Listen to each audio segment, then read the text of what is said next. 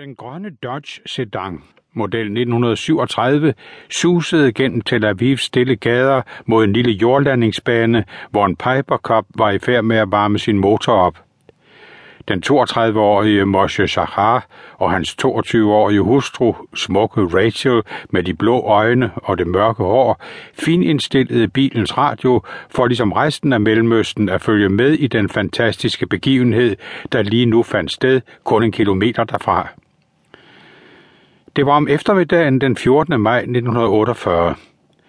Tel Avivs borgere havde samlet sig på Rothschild Boulevard midt i byen uden for et lille museum opført af sten, hvis samling fortalte det jødiske folks historie gennem 3.000 år. En af museets største og nyeste skatte var den 2.000 år gamle skriftrulle med Esajas bog, som var dukket op i Jerusalem den 29. november 1947, den selv samme dag, som de forenede nationer havde vedtaget oprettelsen af et jødisk hjemland i Palæstina. Moshe og Rachel Sakar så en højere mening med rullens tekst og dens fremkomst netop på det tidspunkt. Esajas profetier var ved at gå i opfyldelse her og nu. Israels genfødsel ville snart være en realitet. Det var nu seks lidelsesfyldte måneder siden, at FN havde forkyndt enden på det britiske mandat i Palæstina og oprettelsen af to nationer vest for Jordanfloden, den ene arabisk, den anden jødisk. Hundredvis af jøder og arabere var allerede døde i de kampe, der var brudt ud i hele området, Jerusalem, som efter planen skulle have status af internationalt område, havde i flere måneder været dels besat, dels belejret af muslimske kampenheder under ledelse af Jerusalems stormufti Mohammed Said Hay Amin el-Husseini. Efter at jødiske terrorister havde begået en massakre i den arabiske landsby Dair Yassin, begyndte arabiske civile at flygte fra Jerusalem – Hele bydele blev evakueret.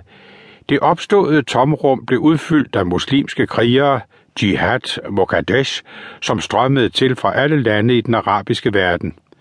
De kom for at slutte sig til stormuftiens irregulære hær i den hellige krig mod jøderne.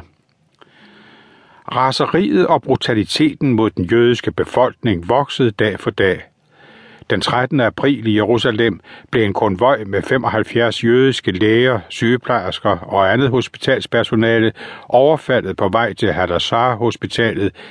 De overlevende kunne tælles på en hånd. Rachel Sakar var en af dem.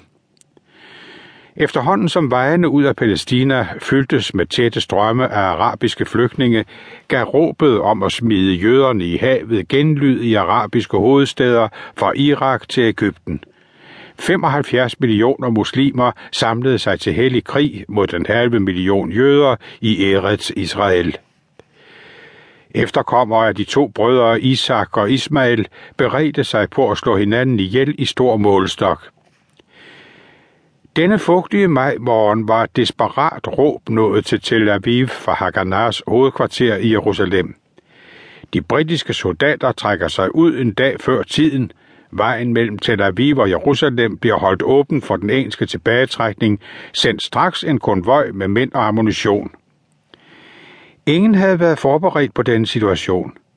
En pause i stormen.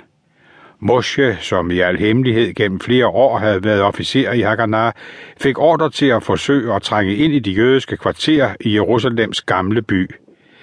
Hvis han fløj, kunne han nå Jerusalem på kun 20 minutter, Rachel skulle blive tilbage i Tel Aviv og repræsentere Jewish Agency, når en bølge af immigranter om kun få timer ville begynde at skylle ind over den nye stat. De kampduelige blandt immigranterne ville blive indrulleret i de væbnede styrker, så snart de satte foden på deres ny fæderlands kyst. Der var ikke andet at gøre. Denne eftermiddag skulle Rachel sige farvel til Moshe. Måske for altid. Hendes fem måneder gamle adopterede spædbarn ville blive ført til et Jewish Agency Center, hvor medarbejdernes børn blev passet og plejet i ly for eventuelle luftangreb. Rachel selv skulle ned til kysten for at byde overlevende velkommen til deres nye fædreland og den nye krig. Den store Dodge drejede af hovedvejen ned ad en støvet sti gennem en lund med